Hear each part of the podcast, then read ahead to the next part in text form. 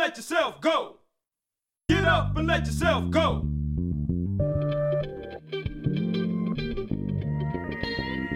Dette er en podkast fra Tro og tvil. I denne astronomipodkasten vil vi ta for oss ting som har med verdensrommet, astronomi og kosmologi å gjøre. Mitt navn er Jon Arne Carstensen. Du finner oss på www.astronomi.info eller www.trotvil.no. Der finner du også en tekstversjon av disse forskjellige artiklene som vi tar opp i podkasten, og en del bilder og annet snacks.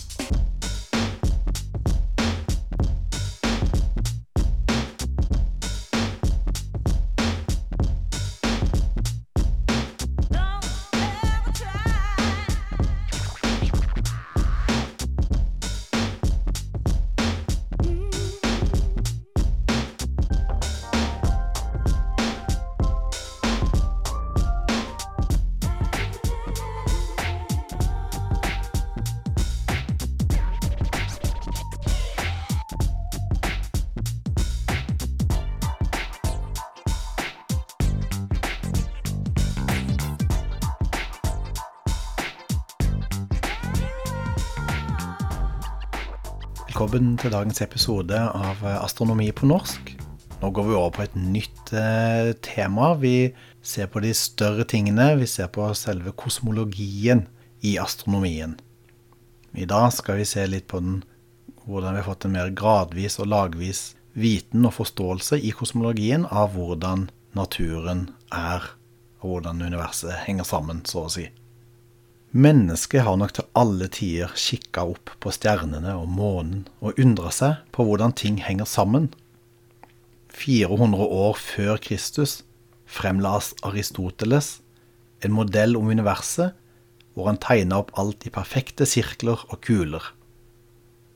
Himmellegemene kretser rundt jorda, og de var perfekte kuler, tenkte han seg. Noen hundre år seinere kom det en modell som beskrev planetenes bevegelser rundt jorda. På 1500-tallet kom det store paradigmeskiftet.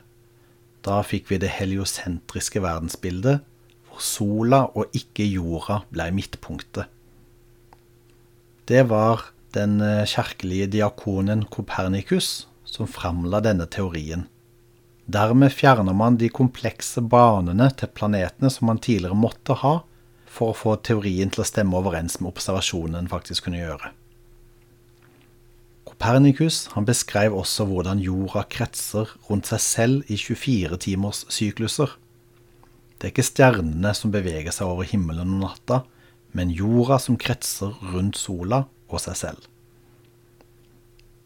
Kepler tok noen år seinere opp tanken igjen, og han så at planetene de bevegde seg ikke i sirkelbaner, som en først tenkte, for en tenkte at sirkler var de perfekte former og bevegelser. Nei, de var i ellipser. Kepler hadde også data i forhold til at planetene øker farten når de er nærmere sola. Han forsto ikke hva som lå bak dette, men denne erkjennelsen kombinert med den heliosentriske modellen gjorde at vi nå fikk et verdensbilde som forutså planetenes bevegelse mye bedre enn de gamle modellene. På 1700-tallet fikk vi teleskop og katolikken Galileo som gjennom nitidige observasjoner bekrefta Keplers modell. Vi kan si at Kopernikus lagde en teori for å forenkle mer av estetiske grunner. Kepler forbedra dette gjennom datamatematikk, og Galileo bekrefta det hele gjennom observasjoner. Først aksepterte den katolske kirka Galileos skrifter og resonnement. Men han begynte etter hvert også å komme med egne skrifttolkninger av Bibelen, og i, 19, nei, unnskyld, og i 1633 ble han innkalt til kirkelig tribunal anklagd for kjetteri. Han levde etter dette i husarrest de siste ni årene av sitt liv. Hans siste bok handla om egenskapene til falne objekt, og denne ga grobunn for seinere forståelse av gratasjonskreftene som vi ser hos Isaac Newton. Newton forente Keplers observasjon om planeters raskere bevegelse nærmere sola med Galileos observasjoner. Han arbeida videre matematisk med dette, og han skapte på mange måter den moderne fysikken.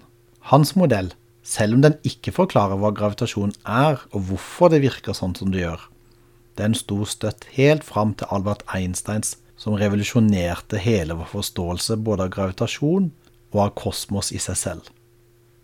Einstein tok ikke konklusjonen helt ut på sin banebrytende modell, da han rent filosofisk, som mange andre i sin samtid, tenkte universet som statisk. Han skrev bl.a. inn en kosmologisk konstant som skulle oppheve gravitasjonskreftene på en sånn måte at alt ikke skulle klumpe seg sammen. Det var den katolske presten George Lemaitre som foreslo at universet hadde en begynnelse. Han foreslo også på 1920-tallet at universet utvider seg, og gjør det den dag i dag.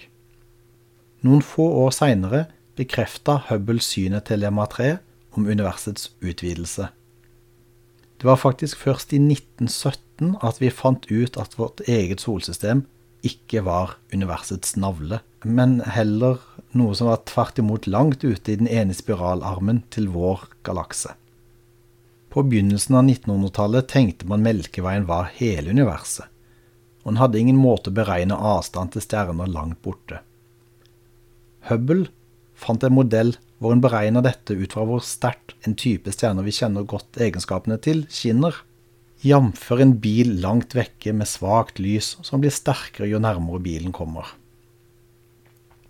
Gjennom dette fant Hubble at Andromeda-tåken er langt utenfor vår egen galakse. Neste store observasjon Hubble så gjorde, var at galaksene beveger seg vekk fra hverandre. Han så at for det første er det bare noen få galakser i nærområdet vårt, som kommer mot vår egen galakse. De fleste de forsvinner vekk, og han så at jo lenger vekk en galakse er, jo raskere beveger den seg vekk fra vår egen galakse. Hubble beregnet så ut fra målinger av ekspansjonen hvor gammelt universet måtte være. Han regna på riktig måte, men hadde dessverre unøyaktige målinger, så han endte med et resultat på to milliarder år gammelt univers.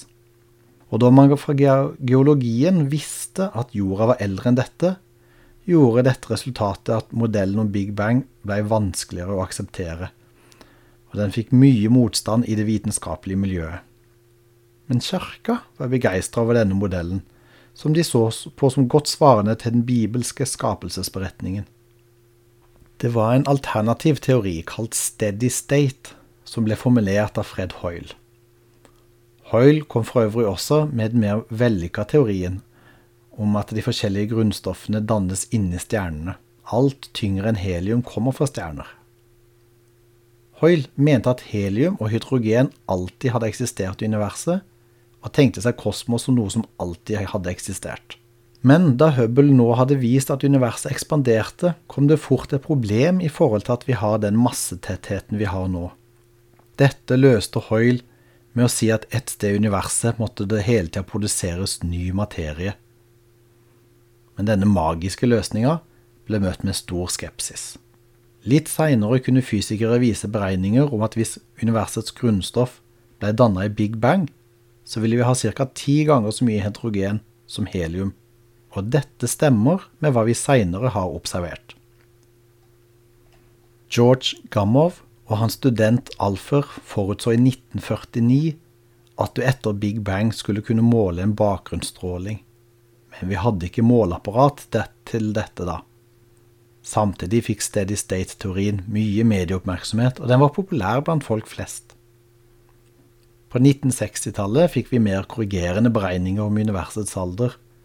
Så, i 1965, kom det etterlengtede beviset, the smoking gun, som de kaller det på engelsk, og som endelig knuste Steady State. Det var bakgrunnsstrålingen fra overalt i universet som da ble oppdaga. Men fra Hoyles teorier tok vi i hvert fall med modellen om hvordan stjernene produserte alle de tyngre elementene. Med det så tror jeg stopper dagens episode, så kommer jeg tilbake til del to av denne historiske eh, lynkjappe gjennomgangen i neste episode. Takk for i dag.